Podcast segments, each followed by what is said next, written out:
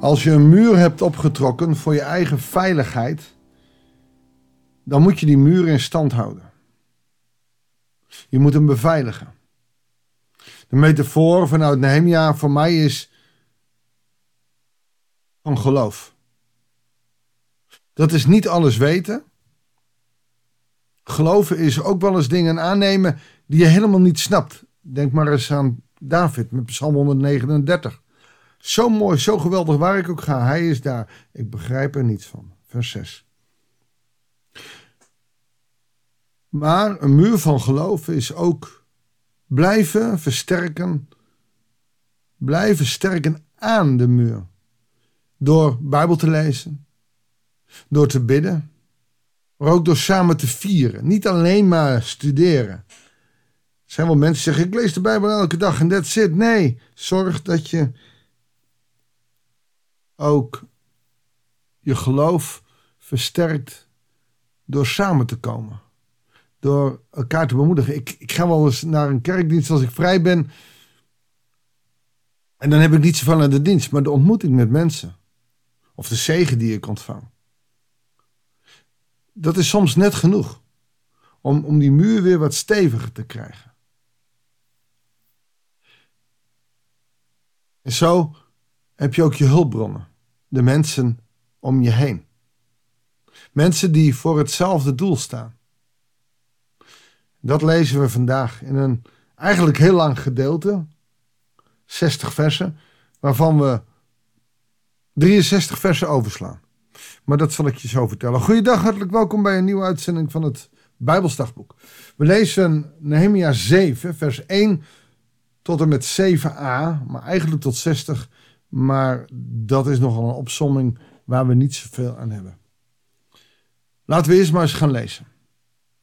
Toen de muur was opgebouwd, liet ik de deuren in de poorten plaatsen. De muur is af. Alleen dan worden de poortwachters aangesteld. Je moet waken. Dat waken is wakker blijven, oftewel niet denken, nou, nou zal het wel klaar zijn, dan gaan we in ons huizen zitten, feest vieren. Nee, dat je poortwachters aanstelt, is dat je werkt aan de, aan, aan de muur, oftewel dat je hem veilig houdt. Je zet een gebed rondom je eigen muur van je leven. Een gebed voor de muur om je gezin. Je bidt voor je kinderen, je bidt voor je vrienden, je bidt voor de kerk waar je bij hoort. Je bidt voor de stad waarin je woont. Je bidt. En dat is een poortwachter, want God zal zijn engelen sturen om de wacht te houden. Lediging van Jeruzalem droeg ik op aan mijn broer Ganani en ook aan Ganania, de commandant van de burcht. Want weinigen waren zo betrouwbaar en zo vroom als hij. Dan hebben we het hier over soldaten. En er wordt niet alleen gekeken naar de kracht die ze hebben, maar ook naar hun vroomheid, naar hun geloof. Want betrouwbaarheid is niet alleen maar dat je de wapenen kan hanteren. Zalig de zachtmoedigen. Je moet de wapens hebben, maar het lef hebben om ze in een schede te laten en er voor de ander te kunnen zijn. Maar wel de muren te beschermen. De zachtmoedigheid betekent niet dat je over je heen moet laten lopen. Dus de commandanten moeten klaarstaan. De zachtmoedigheid. Ik zei tegen hen: Op het heetst van de dag mogen de poorten van Jeruzalem niet opengedaan worden. En voordat hun dienst is afgelopen, moeten de poortwachters de deur ook sluiten. Dat er hier restricties zijn, heeft te maken met de poorten zo min mogelijk open te laten. Ook dat is een mooie metafoor. Stel je even een verhaal al wat jaren geleden. Een meisje was nogal onrustig. Liep langs de muren van de uh, eerste etage om naar haar kamer te gaan. Kon slecht slapen. Toen er met haar gepraat werd, bleek zij demonen te zien. Ze probeerde te langs te gaan en ze probeerde toch te slapen, ondanks de demonen in haar kamer. Tocht naar wat de oorzaak zou kunnen zijn, duurde het niet lang of we vonden de oorzaak uit liefde. De moeder werkte s'avonds nog alles. En pa was gewoon thuis om zeg maar op de kinderen te passen. Als vader pas je niet op de kinderen, maar om thuis te zijn. Deze dochter die was nogal wakker en kon niet slapen. En dan kwam ze naar beneden en ging ze bij pa op de bank zitten. Pa had de hebbelijkheid om verkeerde films te zien, oftewel horrorfilms. Hij vond het leuk. Het ontspande hem. En dan liet zijn dochter naast hem zitten en heeft die horrorfilms laten zien, onbewust. Tenminste, heel naïef. Door deze horrorfilms heeft dit meisje de poort van haar hart te lang opengezet voor de ellende die je tegenkomt in het leven. En demonen konden naar binnen. Jaren geleden was er een nieuwe hype. Met een potlood ging je draaien en er was een liedje bij. Voor de grap, wie wees hij aan?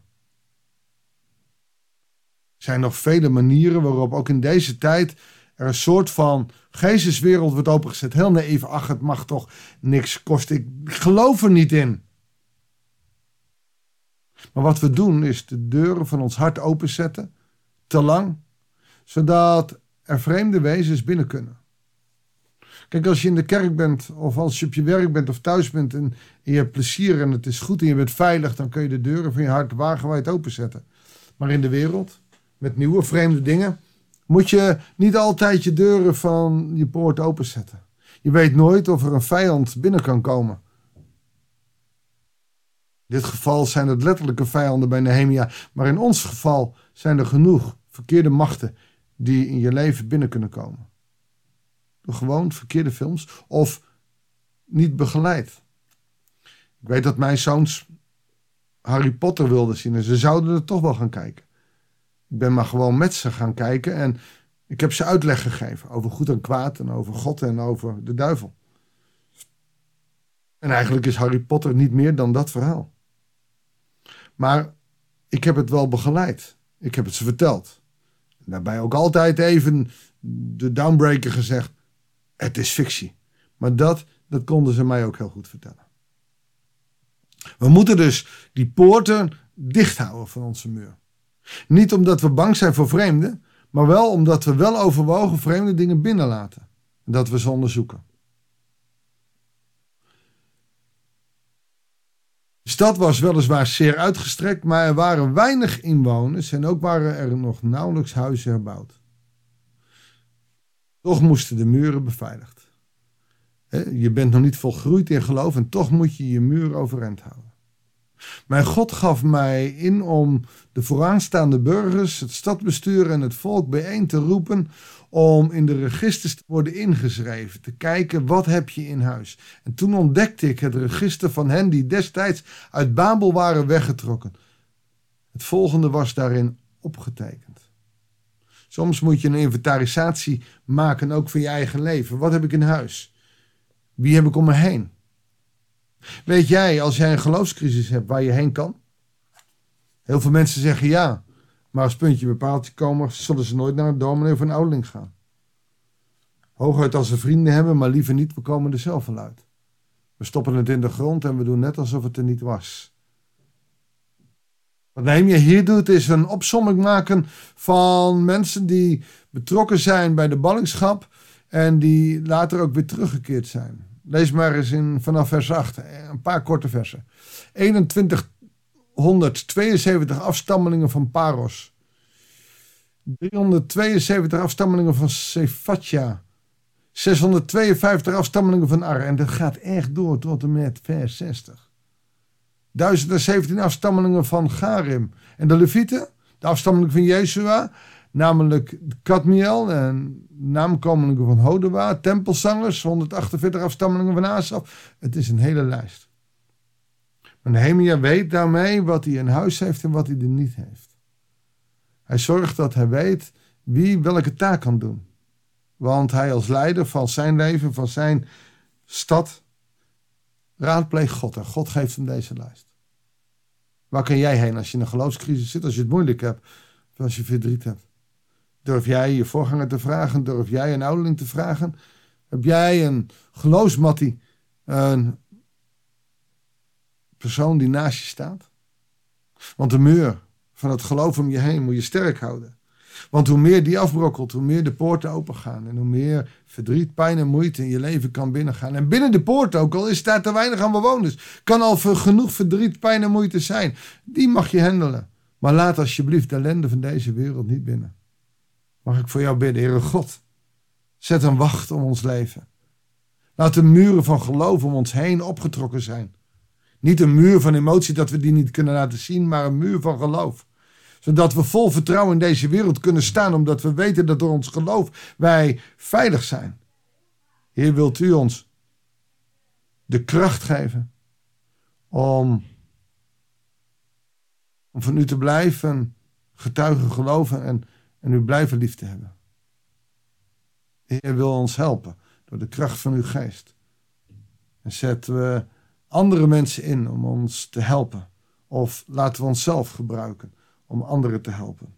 Omdat we zo de muren om de kerk of de muren om gelovigen heen kunnen versterken.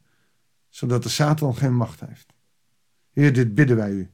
In de machtige naam van ons Heer Jezus Christus. Amen. Ik dank je wel voor het luisteren. Ik wens je God zegen. En heel graag tot de volgende uitzending van het Bijbelsdagboek.